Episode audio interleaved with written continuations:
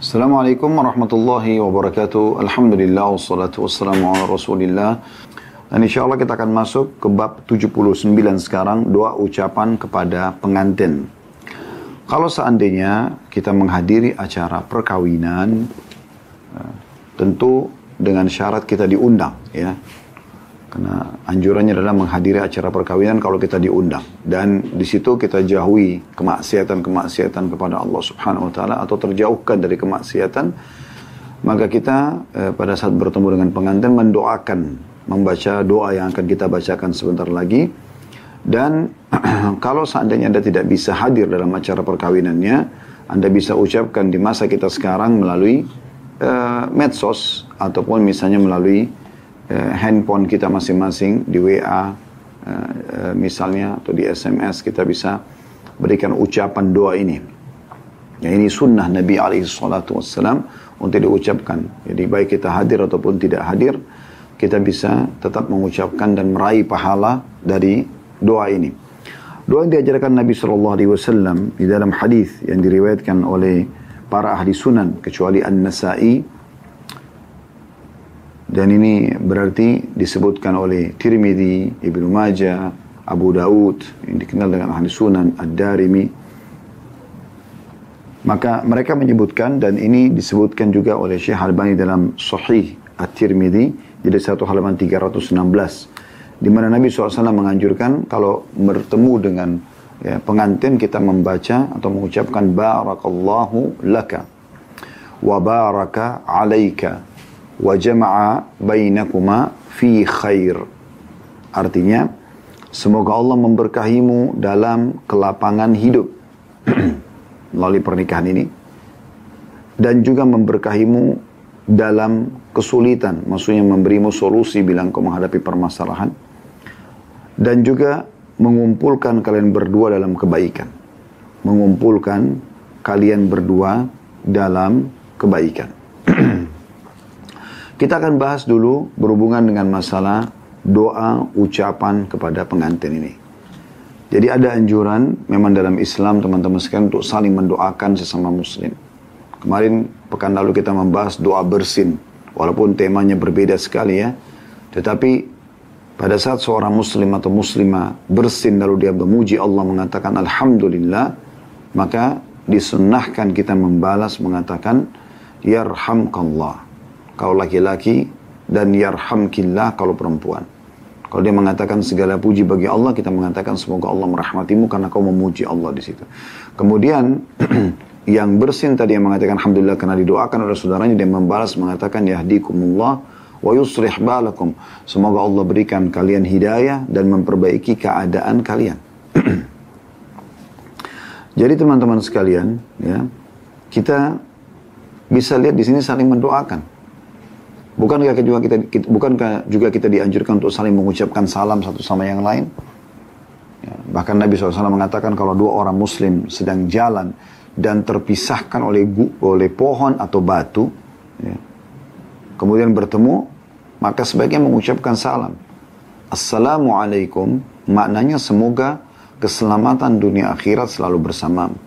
Warahmatullah dan juga rahmat Allah, karunia Allah. Wabarakatuh dan keberkahan. Di sini disebutkan bahwasanya ya kita dianjurkan untuk mengucapkan dan saling mengucapkan doa. Bukankah kalau saudara kita sakit, muslim, kita dianjurkan menjenguknya lalu mengucapkan doa juga? Ya kan? Tahur, ma'asyifa insya Allah. Semoga jadi pembersihan dosa dan kesembuhan selalu ada. Gitu kan. La ba's dalam riwayat lain. Semoga tidak masalah bagi kamu tahurun insya Allah. Semoga jadi pembersihan dosa-dosa dengan izin Allah. Jadi kita lihat memang hampir di setiap lini kehidupan kita ini kita diajarkan mendoakan. Bahkan Nabi SAW mengatakan, tidak ada seorang muslim yang mendoakan muslim yang lain kecuali Allah akan berikan untuk dia di setiap muslimnya satu pahala. Jadi dianjurkan sekali kita membaca misalnya Allah makfir lil muslimina wal muslimat misalnya. Ya Allah ampunilah setiap muslim dan muslimah. Anda bisa bayangkan kalau jumlah orang muslim misalnya, ya misal 2 miliar. Maka Anda mendapatkan pahala mereka. Belum lagi dikatakan wal mu'minina wal mu'minat al ahya minhum wal amwat. Orang mukmin dan mukminah juga serta orang yang hidup dan orang yang meninggal di antara mereka. Jadi kita dianjurkan mengucapkan dan kita akan dapat setiap muslim yang satu pahala. Bahkan Nabi SAW mengatakan doa seorang muslim terhadap muslim yang lain. ya Itu diijabah oleh Allah Subhanahu wa Ta'ala. Baik, di hari kegembiraan, hari pernikahan, sangat dianjurkan kita mendoakan. Kita mendoakan si mempelai. Nanti akan ada bab setelahnya, bab 80, doa si mempelai itu sendiri. Terutama laki-laki kepada istrinya yang baru saja dia nikahi. Makna daripada potongan pertama barakallahu laka. Semoga Allah memberkahi ya, engkau dalam ya, kehidupanmu ini ya, dalam pernikahanmu ini. Makna berkah tercukupi. Itu makna berkah. Kalau orang mengatakan makanan ini berkah maknanya dicukupi atau mencukupi gitu kan? Sebagaimana sabda Nabi SAW, tidak ada makanan yang diletakkan untuk tiga orang, kecuali cukup untuk empat orang. Diletakkan untuk empat orang, kecuali cukup untuk lima orang. Allah SWT berkahi. Jadi semoga saja suamimu, istrimu, ini cukup buat kamu. Artinya menjadi pemenuh terhadap kebutuhanmu. Itu nama anak barakallahu laka. Kalau laki-laki, kalau perempuan misalnya anda wanita dan anda ucapkan kepada mempelai wanita, anda mengatakan barakallahu laki. Semoga Allah berkahi Anda. Kemudian wabaraka alaika. Di sini terjemahnya dan juga memberkahimu dalam kesulitan. Maksudnya tetap menjadikan engkau bisa melalui kesulitan-kesulitan itu. Kalau perempuan wabaraki wabaraka alaiki wabaraka alaiki kalau laki-laki wabaraka alaika. Jadi yang terakhirnya alaika atau alaiki. Makna itu atau maknanya penjelasan di sini teman-teman sekalian. Kalau dalam kehidupan rumah tangga itu akan ada suka dukanya. Dan semoga saja di saat terjadi nikmat kita bisa melalui bersama-sama. Melalui cobaan kita juga melalui dengan sama-sama. Tetap ada keberkahan, kecukupan di situ. Wa jama'a bainakuma fi khair dan semoga Allah menyatukan kalian dalam kebaikan. Maksudnya adalah ketaatan kepada Allah SWT, keimanan, ya, selalu saling memaklumi, saling memaafkan, saling menutupi kekurangan, melengkapi kekurangan, menutupi aib-aib gitu.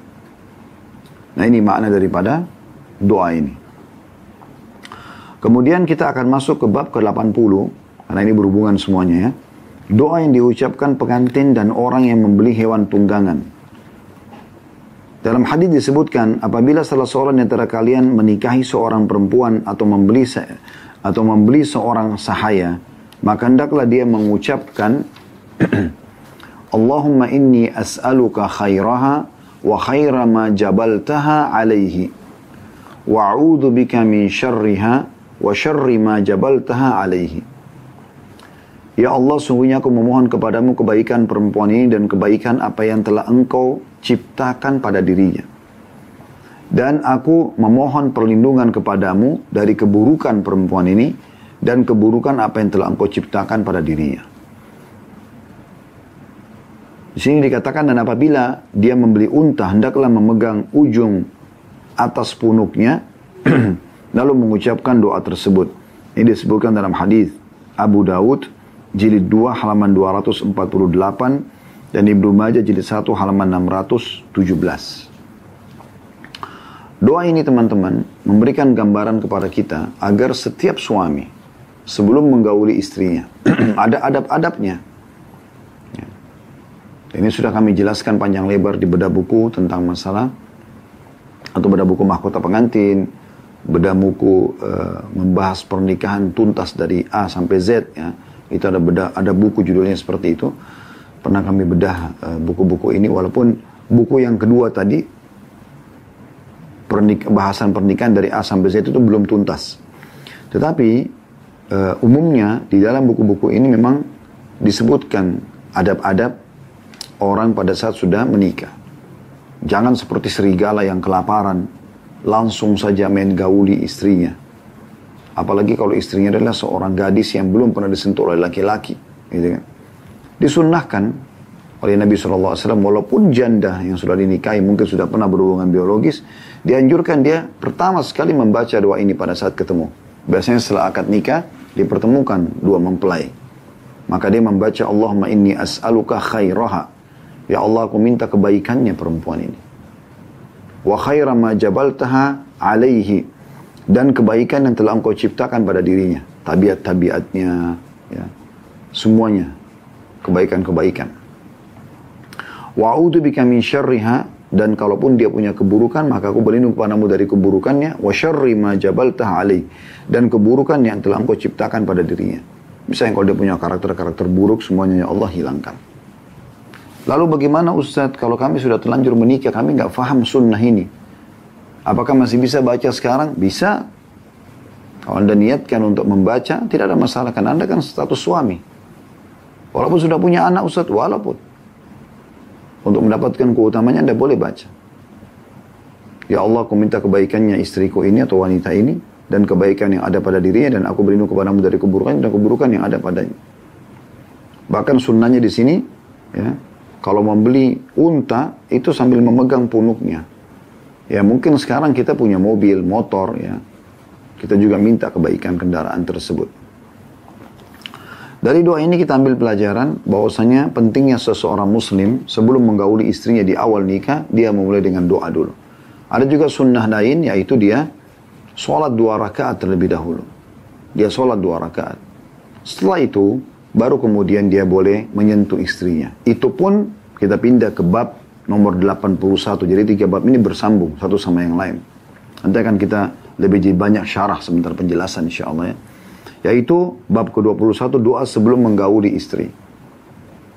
Jadi setelah mendoakan tadi, kebaik, minta kebaikannya dan berlindung dari keburukannya, lalu sholat dua rakaat dulu, niatnya sholat tatawu, tambahan dalam hati. Sunnah begitu dari Nabi SAW, sholat. Kemudian setelah itu kalau dia mau menggauli istrinya, di antara juga adab yang Nabi SAW lakukan adalah Nabi pada saat uh, masuk menemui Aisyah di awal ya, setelah akad nikah, beliau memberikan kepada Aisyah susu, ya, atau mungkin kita menyiapkan minum supaya dia tidak ya, kaget. Mungkin juga kita mengajak dia ngobrol dulu ya, setelah mendoakan, apalagi kalau orang sudah sholat bersama itu beda, lebih cair suasana. Nah pada saat akan menggauli si suami dianjurkan membaca ini dan istri dianjurkan mengingatkan karena ini luar biasa efeknya. Ya. Yaitu hadis ya. Itu tadi hadis tentang masalah meminta kebaikannya itu diriwayatkan oleh Abu Daud jilid 2 halaman 248 dan Ibnu Majah jilid 1 halaman 617 ya. Yang masih bab 80 80 tadi. Dua minta kebaikan istri. Kemudian kalau doa menggauli istri ini disebutkan dalam hadis Bukhari jilid 6 halaman 141 dan Muslim jilid 2 halaman 1028. Ini wajib dihafal oleh setiap laki-laki karena selama Anda menjadi status suami dan masih normal, istri Anda juga normal, Anda akan berinteraksi biologis.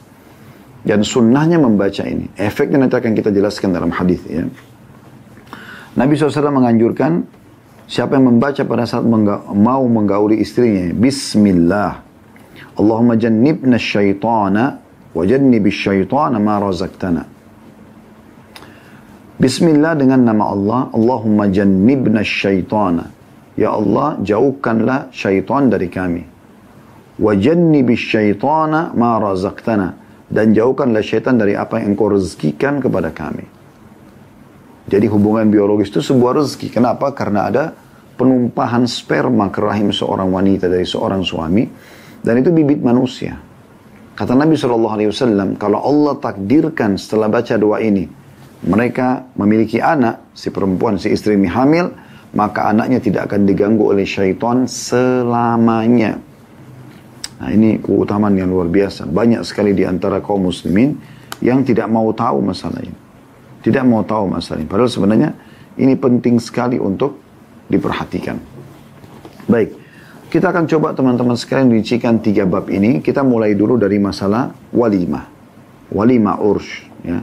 Maksudnya pesta perkawinan. Kenapa kita bahas ini? Karena kan tadi ada doa kalau kita mendatangi pesta perkawinan. Lalu kita bertemu dengan mempelai. Kita doakan kan dia. Ya.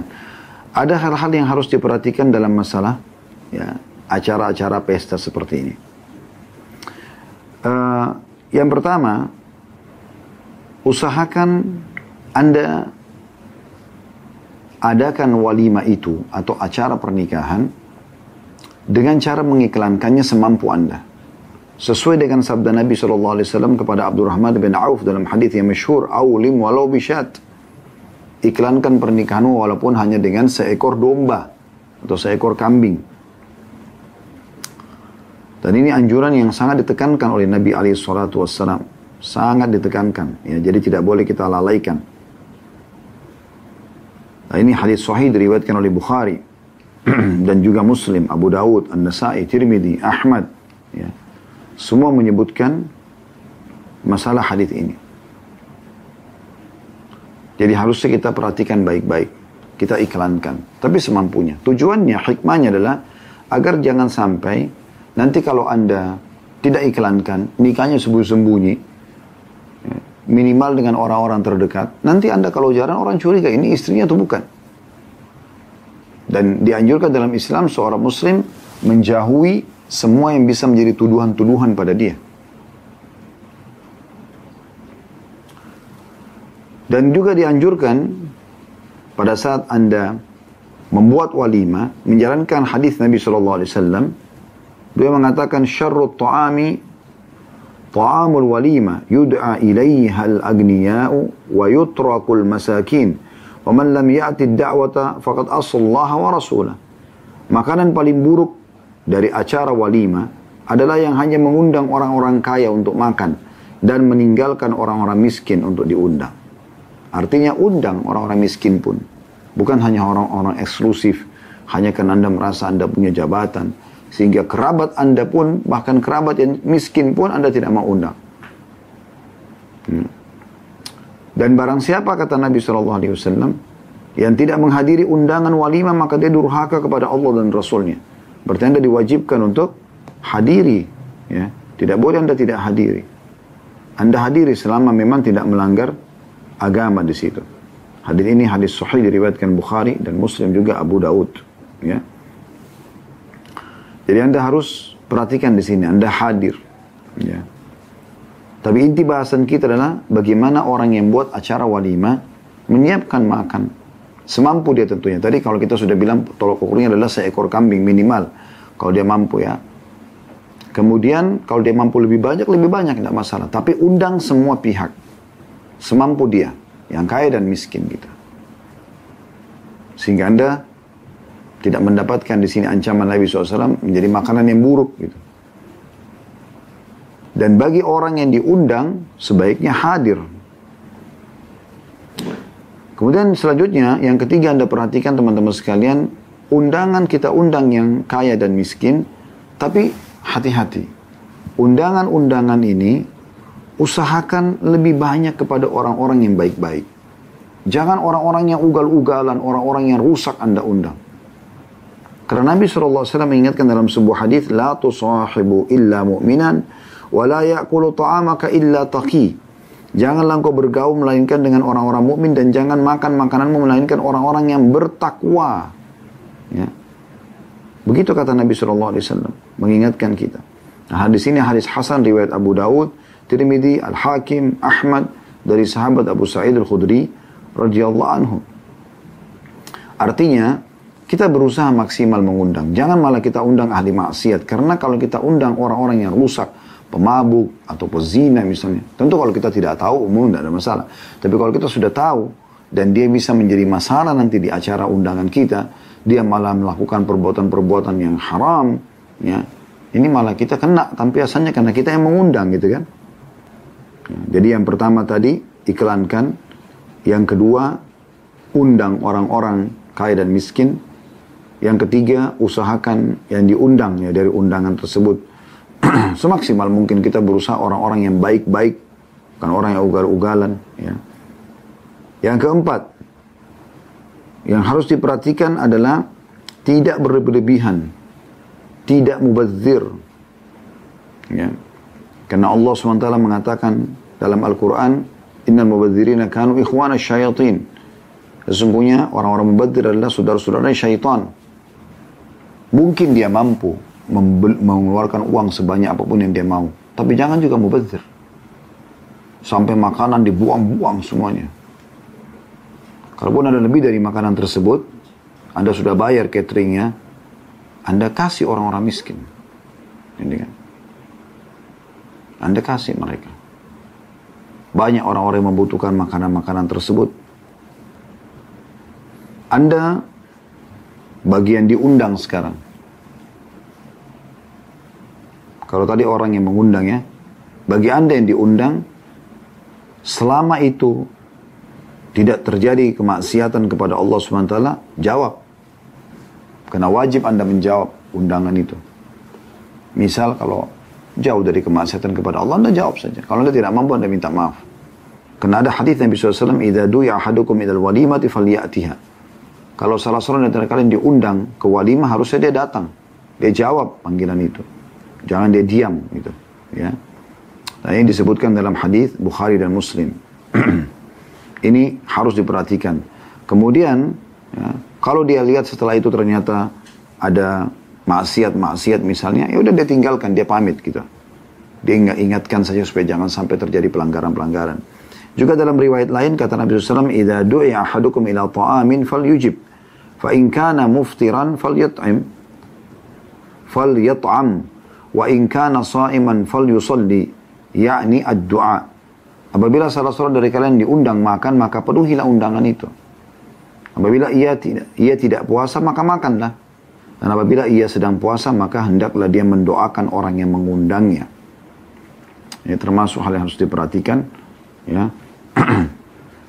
Bagi orang yang mau datang, ya, diundang. Bukan orang mau datang, memang dianjurkan datang. Hadis ini sahih diriwayatkan Muslim dan juga Ahmad. Ya. Kemudian juga anjuran bagi orang yang hadir di sini agar mereka tidak berlama-lama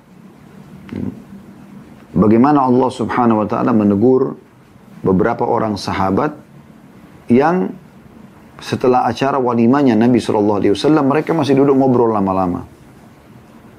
Orang mungkin butuh bersegera, ya. Semua orang tahu kalau orang selesai akad nikah mungkin dia ingin segera ketemu sama istrinya, ya, ingin keluarganya juga pulang yang dari memang dari seharian membantu atau sudah seminggu membantu persiapan pernikahan tersebut juga ingin istirahat misalnya. Anda kata Allah SWT, Wa Taala ta'imtum fantashiru." Kalau sudah diberikan makan maka selesai gitu. Ya, Sudah doakan, sudah makan, pamit pulang. Bukan malah berlama-lama ya, di situ dan akhirnya mengganggu, mempelai ataupun mengganggu keluarganya mungkin yang sudah terlalu capek mengurus beberapa hari gitu ya. Dan ini tidak boleh dianggap remeh tentunya. Kemudian juga dianjurkan agar mendoakan mendoakan orang-orang yang sudah mengundang itu. Seperti misalnya doa Nabi SAW, Allahumma gfir lahum warhamhum mubarik lahum fima razaqtahum Ya Allah ampunilah mereka, sayang, sayangilah mereka, berkahilah apa-apa yang engkau berkaruniakan kepada mereka. Ini dianjurkan kita doakan.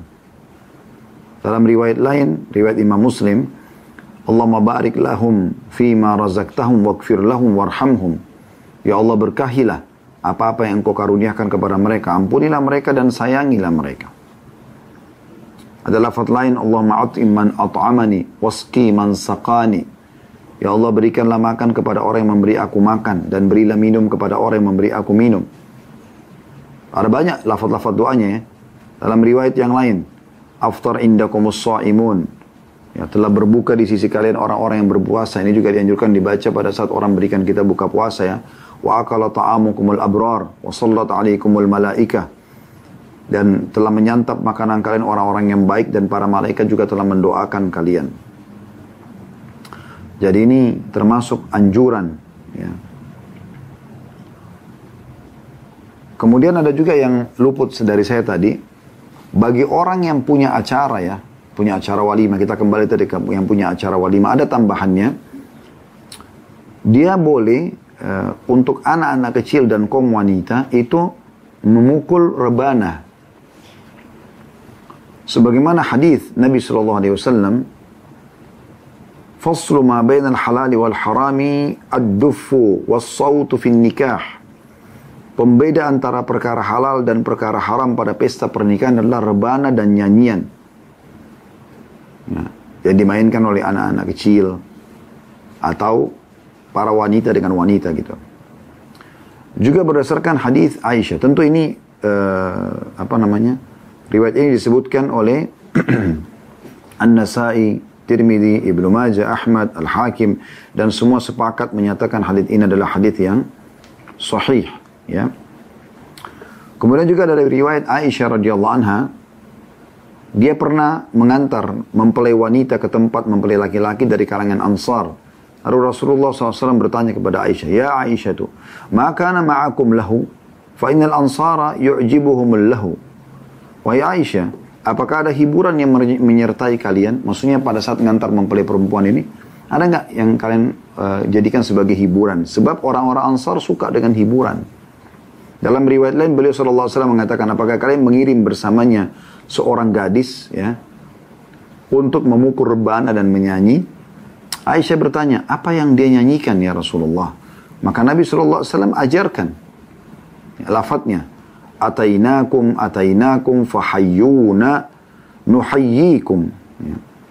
Laula dhahabul laula dhahabul ahmaru ma hallat bawa ma hallat biwad biwadikum laula al-hintatu samra'u ma sami ma saminat adharikum ya. Jadi saya ulangi, atainakum, atainakum, artinya kami telah datang kepada kalian, kami telah datang kepada kalian, fahayyawna nuhayyikum. Maka hormatilah kami, sambutlah kami, kami pun akan hormati kalian, atau kami akan sambut kalian. Laula zahabul ahmaru ma hallat biwadikum. Kalau bukan karena emas merah, maka niscaya kampung kalian tidaklah mempesona. Ya. Walau lal hintatus samra'u ma saminat adharikum. Dan kalau bukan karena gandum berwarna coklat, maka niscaya gadis-gadis kalian tidak akan gemuk. Tidak akan gemuk. Ya. Ini dianjurkan untuk disebutkan oleh Aisyah radhiyallahu anha kepada wanita mempelai wanita yang sedang didampingi tadi supaya menambah kegembiraannya.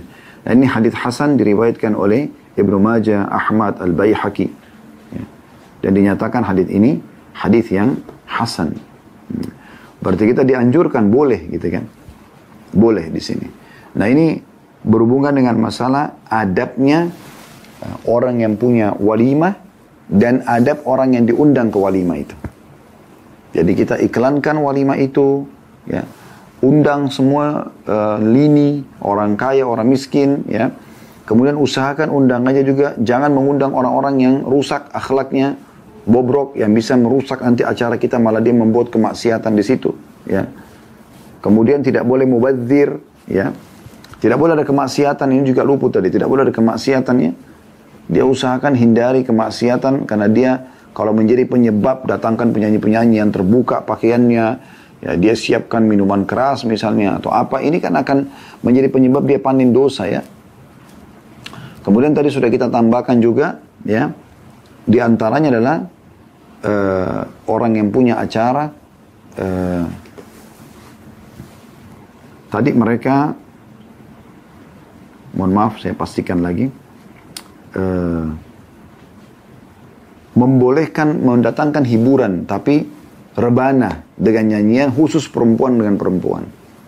Baik itu perempuan yang nyanyikan atau anak kecil yang nyanyikan. Gitu ya. Dan sudah diajarkan Nabi SAW tadi kepada Aisyah. Sementara orang yang datang diundang, ya wajib menjawabnya selama tidak ada kemaksiatan, tidak berlama-lama di situ. Ya, setelah acara, setelah mendoakan, mendoakan dua mempelai, kemudian pamit, ya, tidak berlama-lama habis makan. Jadi menjawab undangan dulu, mendoakan mempelai, boleh makan, kemudian segera balik, ya, tidak berlama-lama di situ. Nanti bisa mengganggu orang-orang yang ada di situ. Kemudian yang terakhir, yang kelima, doakan. Ya, kedua, uh, mempelai atau doakan umumnya orang-orang yang telah mengundang Anda. Ini poin berhubungan dengan masalah walimanya dan ini yang kita bahas di bab tadi. Ya, doa untuk orang menikah. Ya yaitu di bab 79. Baik teman-teman sekalian, kita akan masuk kepada bahasan lanjutannya tentang bagaimana suami istri pada saat awal ketemu ya di setelah akad nikah ya pada saat malam pertama kalau bahasa kita ya dan seterusnya setelah itu maka ada hal-hal yang harus diperhatikan yang paling umum dan tadi yang disinggung adalah dalam dua bab itu selain mendoakan atau berdoa kepada Allah agar diberikan yang terbaik dari istri ini karena dia akan menjadi tetangga ya bantal kita. Dan ingat jangan salah dalam memilih. Kata Nabi SAW takhayyaru linutafikum. Pilih baik-baik tempat kalian meletakkan bibit kalian sperma kalian. Karena kalau salah satu tetes sperma masuk ke rahim seorang wanita yang salah, fasikah, kemudian dia hamil, sudah cukup membuat dia akan menjadi status ibu anak kita selamanya. Bukan cuma dunia, sampai akhirat. Begitu pula anda, wahai muslimah. Hati-hati dalam memilih seorang pasangan harus laki-laki yang sadeh. Karena akan terjadi interaksi biologis. Status sperma, laki-laki fasik, masuk ke rahim Anda dan Anda hamil, maka sudah cukup dan anak itu lahir, sudah cukup membuat si laki-laki fasik tadi berstatus ayah anak Anda selamanya. Ini hati-hati. Oleh karena itu, jeli sekali dalam memilih pasangan. Dijelaskan ya oleh para ulama tentang hak anak. Umumnya kalau Anda baca buku-buku tentang hak anak, maka kalau yang jeli sekali mereka akan menulis pertama sekali memilih pasangan yang baik. Di antaranya buku yang pernah kami bedah begini mendidik anak dalam Islam. Jeli sekali di situ dijelaskan bagaimana para ulama menitik beratkan sekali justru hak anak sebelum jauh sebelum dia lahir adalah pilih orang tua yang pas buat dia. Apakah ibu atau ayah. Gitu loh. Karena ini penting sekali. Baik. Itu dulu. Kita tidak bicara orang kalau sudah terlanjur memilih pasangan yang salah. Itu ada bab sendiri. Itu Anda bisa tanyakan di hari Kamis, insya Allah ada tanya jawab tentang masalah keluarga sakinah. Saya sedang membahas sekarang idealnya, gitu kan? Baik, orang berumah tangga. Setelah memilih pasangan yang tepat, tolok ukurnya adalah agama keduanya, maka Anda akan sering kali interaksi dengan pasangan ini ada beberapa induk judul dalam hidup kita yang harus kita pegangi. Dalam interaksi berumah tangga. Pertama, kenali biologisnya. Yang kedua, kenali karakternya. Yang ketiga, kenali keluarganya. Ya. Kita mulai dengan pertama, kenali biologisnya. Maksudnya, biologis ini kan akan selalu terjadi. Bahkan ini adalah obatnya rumah tangga itu. Ini vitaminnya gitu. Kapan biologis ini sehat, maka akan sehat yang lainnya. Kapan ini buruk, maka akan buruk yang lainnya. Dan di sini dalam Islam ditata dengan rapi biologisnya, nggak boleh sembarangan. Makanya tadi ada doa pada saat mau biologis. Doa sebelum biologis, bahkan ada anjuran untuk sholat dulu, gitu kan? Maka perlu yang pertama adab dalam Islam berjima ini, ya, dalam kenali, ya, biologisnya dia, ikhlaskan niat. Agar kita ingin melakukan biologis tersebut karena perintah Allah, bukan sekedar hawa nafsu.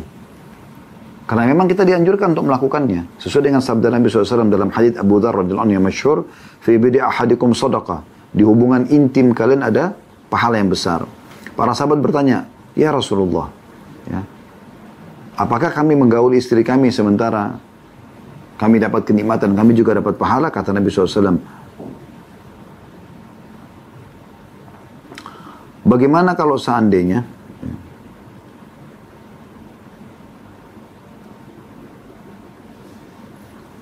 law wada'aha fil har fi haram akana alaihi fiha wizrun Bagaimana kalau ya, kalian atau salah satu dari kalian meletakkan pada yang haram apakah dia dapat dosa? Fakadzalika idza wada'a fil halal kana lahu ajr. Demikian juga kata Nabi SAW, kalau dia letakkan pada yang halal, maka dia akan dapat pahala. Artinya interaksi biologis kalau diniatkan karena Allah, bukan hanya hawa nafsu dapat pahala. Dan di sini di, disetarakan oleh Nabi SAW, kurang lebih ya, antara zina yang dosa besar dengan biologis yang halal ini. Artinya, ini dosa besar, ini pahala besar gitu. Oleh karena itu kata sebagian ulama, syaitan pasti akan selalu menggoda agar jangan terjadi biologis yang sehat ini. Terkadang subhanallah karena masalah perkara-perkara sepele saja, perkara kecil, sudah cukup membuat kita ngambekan akhirnya tidak terjadi interaksi biologis. Padahal sebenarnya di situ ada pahalanya. Kemudian juga dianjurkan sekali ya, untuk ya, tidak memulai langsung interaksi biologis. Maaf, meletakkan kemaluan di kemaluan, tapi memulainya dengan pembukaan-pembukaan dalam sebuah riwayat yang hasan Kata Nabi SAW, mulailah dengan para utusan-utusan. Bahasa santunnya Nabi SAW. Kata para sahabat, ya Rasulullah, apa utusan-utusan itu? Kata Nabi SAW, ciuman. Ya. Juga Nabi SAW menanyakan kepada Jabir, kau nikah sama janda atau gadis? Kata Jabir, janda ya Rasulullah. Kata Nabi SAW, kenapa bukan gadis? Sehingga engkau bisa banyak bercumbu dengannya dan dia bercumbu denganmu. Karena umumnya kalau gadis dia lebih semangat untuk selalu melayani suaminya dibandingkan dengan janda mungkin ada saat-saat di mana dia jenuh. Tapi bukan berarti orang salah menikah dengan janda. Karena Nabi SAW dari semua istri beliau cuma satu gadis Aisyah yang lainnya janda. Gitu kan? Cuma Nabi SAW memberikan gambaran dalam hadis ini yang dalam hadis riwayat Bukhari Muslim ini sebenarnya tentang masalah potongan hadisnya fatula ibuha tula ibuha watula ibuk. Ya engkau akan bisa bercumbu mesra dengannya, dia pun bercumbu mesra denganmu. Artinya kalau dia tidak punya pengalaman sebelumnya, akan beda sekali interaksi biologisnya. Dia akan selalu fokus kepada pasangannya ini. Kemudian yang ketiga ini jadi bahasan kita adalah membaca doa tadi. Ya. Sebagaimana kata Nabi SAW, "Lau anna ahadakum idha arada ya'ti ahlahu faqala bismillah." Kalau seseorang datang ingin menggauli istrinya, kemudian dia membaca dengan nama Allah, Allahumma jannib jannib jannibna syaitani ya Allah jauhkan kami dari syaitan wa jannibi syaitani ma razaqtana jauhkanlah syaitan dari apa yang kau karuniakan kepada kami. Kata Nabi SAW innahu in yuqaddaru bainahuma walad fi dhalik lam yadurruhu syaitanun abada. Ketahuilah kata Nabi SAW jika Allah subhanahu wa ta'ala menakdirkan lahirnya anak dari hubungan intim tersebut karena sudah baca doa tadi maka syaitan tidak akan bisa mencelakakan anak itu selamanya. Hadis ini riwayat Bukhari dan Muslim. Yang keempat harus diperhatikan adalah boleh menggauli istri dengan gaya apa pun kecuali yang diharamkan yaitu meletakkan kemaluan di kemaluan pada saat haid dan nifas atau meletakkan kemaluan di dalam dubur sesuai dengan firman Allah Subhanahu wa taala dalam surah Al-Baqarah surah nomor 2 ayat 223 yang bunyinya a'udzu billahi minasyaitonir rajim nisa'ukum harthun lakum fa'tu harthakum anna syi'tum wa qaddimu li anfusikum. Al-ayah artinya istri kalian adalah lahan atau tanah tempat kalian bercocok tanam. Maka datangilah tanah tempat bercocok tanam itu bagaimana saja kamu kehendaki dan dahulukan diri kalian. Maksudnya Imam Nawawi berkata rahimahullah yang namanya ladang atau tempat bercocok tanam pada wanita adalah di kemaluannya yaitu tempat mani bersemai untuk mendapatkan keturunan. Ini adalah dalil bolehnya menyetubuhi istri di kemaluannya. Terserah dari arah depan, belakang, atau istri dibalikkan. Ini bukan aib ya, karena ini dijelaskan oleh Nawawi dalam syarah sahih muslim. Di jilid 10 halaman 6. Dan disebutkan dari hadis Jabir bin Abdullah radhiyallahu anhu beliau berkata, "Kanatil yahud taqul idza jama'aha min waraiha ja'al waladul ahwal." Dahulu orang-orang Yahudi berkata, kata Jabir radhiyallahu anhu ya, di Madinah orang-orang Yahudi mengatakan, jika menyetubui istri dari arah belakang, maka mata anak nantinya bisa juling. Lalu turunlah firman Allah Subhanahu wa taala Al-Baqarah 223 tadi, nisa'ukum harthun lakum fa'tu harthakum anna syi'tum wa qaddimu li anfusikum. Istri-istrimu adalah seperti tanah tempat kamu bercocok tanam. Maka datangilah tanah tempat bercocok tanam itu bagaimana saja kamu kehendaki. Hadis riwayat Bukhari dan Muslim. Dalam riwayat lain, Nabi SAW bahkan lebih jelas. Ya, disebutkan oleh At-Tahawi di jilid 3 halaman 40. Ya. uh, nomor uh, halaman 41 ya.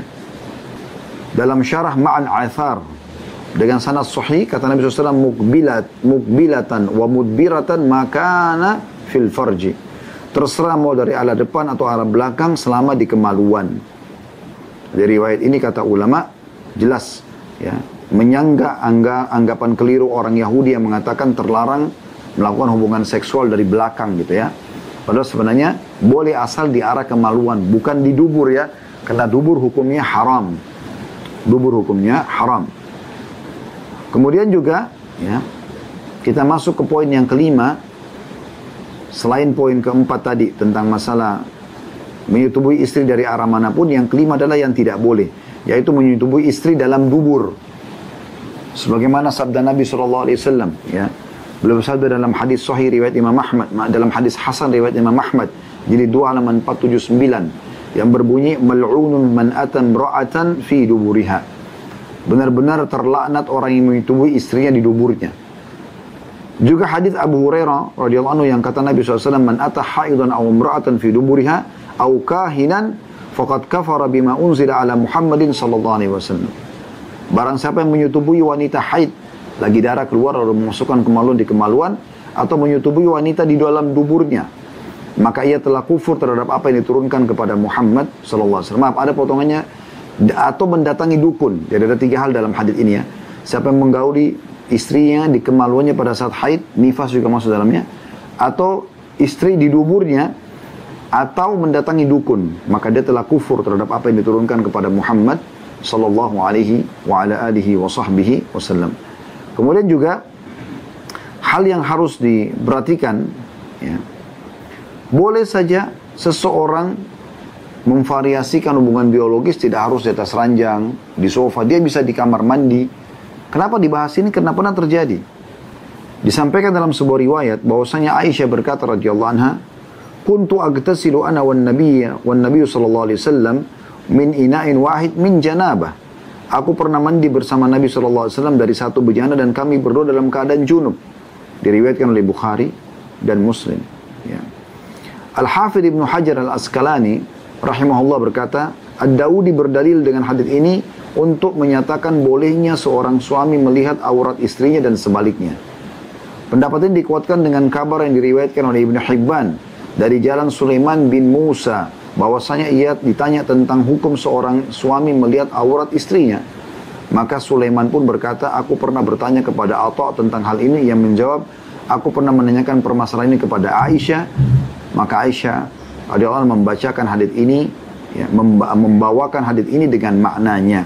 Kita pindah ke poin yang ketujuh tentang masalah tidak bolehnya istri menolak ajakan suami. Ini termasuk adab. Kalau suami menolak ajakan istri ini berbeda bahasannya. Tapi umumnya dalam dalil itu tentang masalah istri yang menolak. Karena memang istri Allah berikan wanita itu bisa kelimak sampai beberapa kali gitu. Dan dia tidak terganggu sebenarnya dengan berulangnya suaminya minta misalnya. Kalau suami tidak seperti itu mungkin sekali kelimak dia butuh waktu yang cukup lama gitu. Makanya Nabi SAW mengatakan dalam hadits Abu Hurairah radhiyallahu anhu, "Idza da'a ar-rajulu imra'atahu ila firashi fa'abad an taji'a la'anatha al-malaikatu hatta tusbih. Jika seorang pria mengajak istrinya keranjang lantas si istri enggan enggan memenuhinya, maka malaikat akan melaknatnya hingga waktu subuh. Hadis riwayat Bukhari Muslim. Ya. Kemudian termasuk juga hal yang harus diperhatikan ya, seringnya melakukan hubungan biologis ini. Dan kalau Anda ingin mengulanginya, dianjurkan ini yang kedelapan ya, Anda berudu terlebih dahulu. Mana disebutkan dalam sebuah hadis yang sahih di mana Nabi SAW mengatakan jika salah seorang dan terkadang ingin mengulangi hubungan biologis itu, maka hendaklah dia berudu karena itu akan lebih memotivasinya.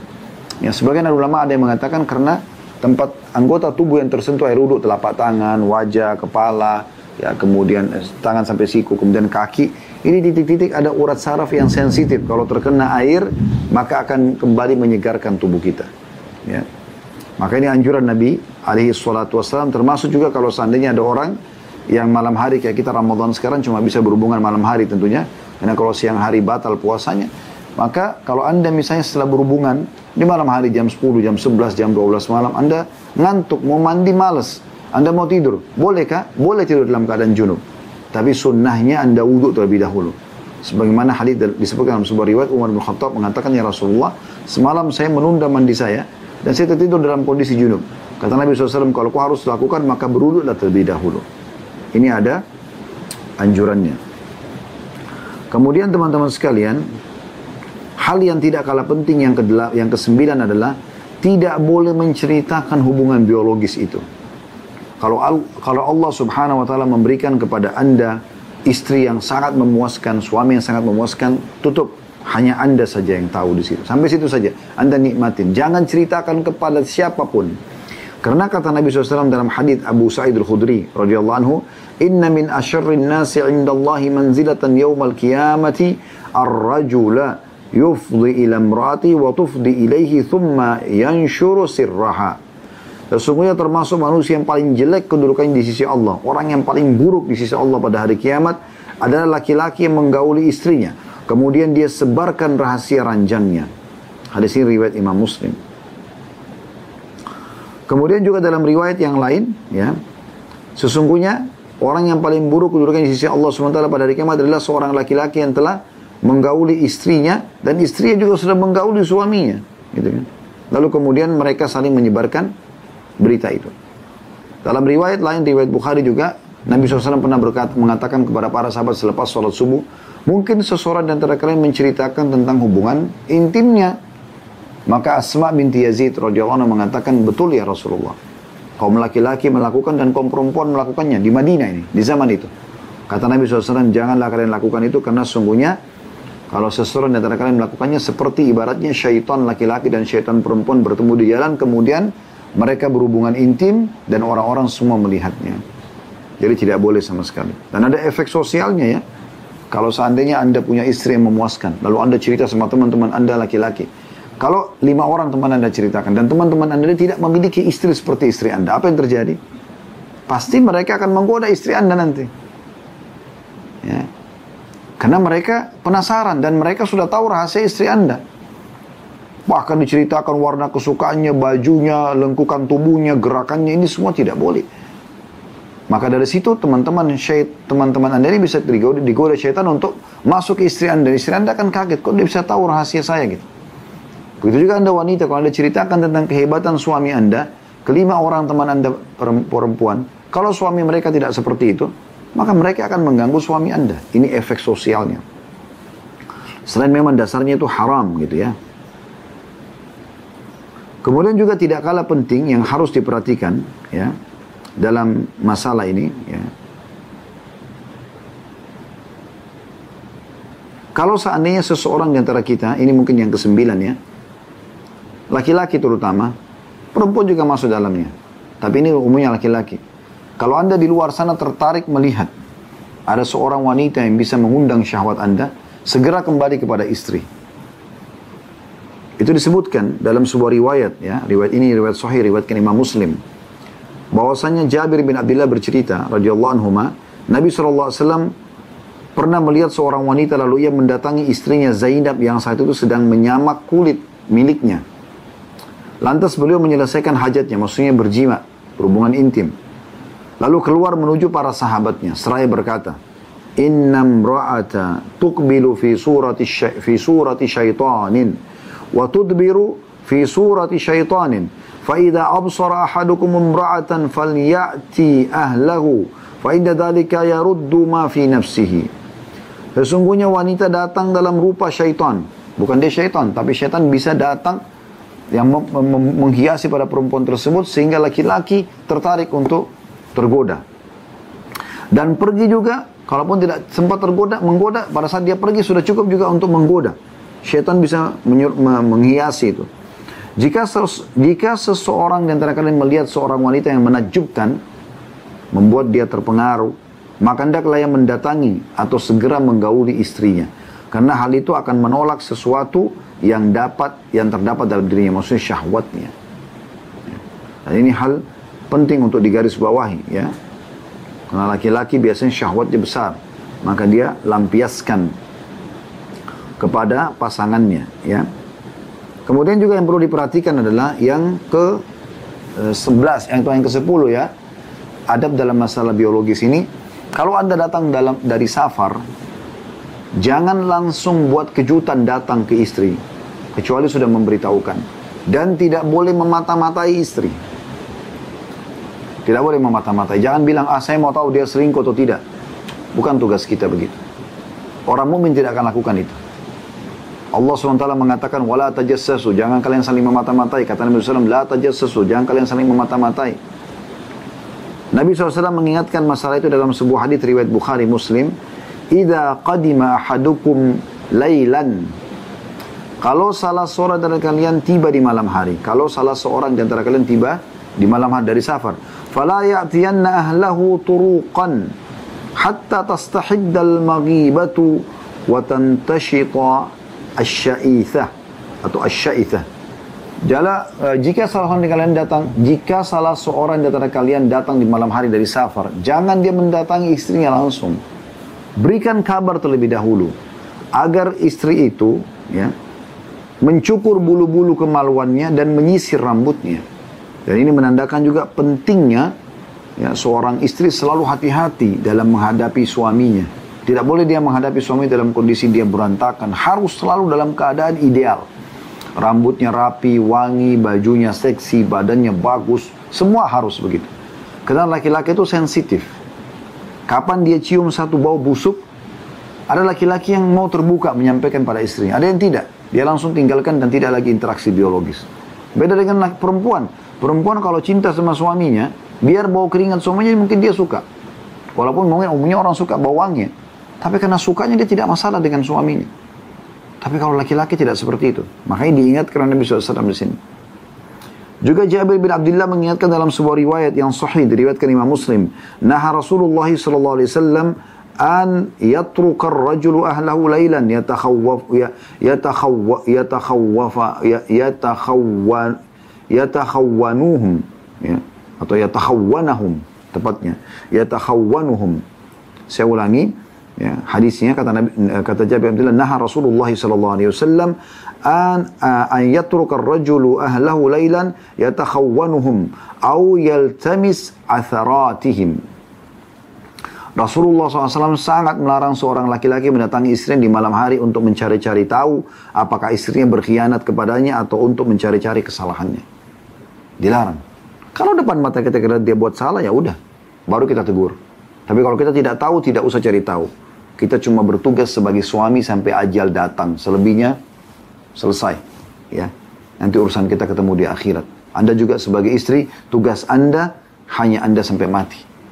Kalau Anda tahu itu kemungkaran depan mata, ingatkan. Kalau tidak Anda tidak tahu, jangan korek-korek. Sudah ada malaikat dan tidak usah ambil tugasnya malaikat.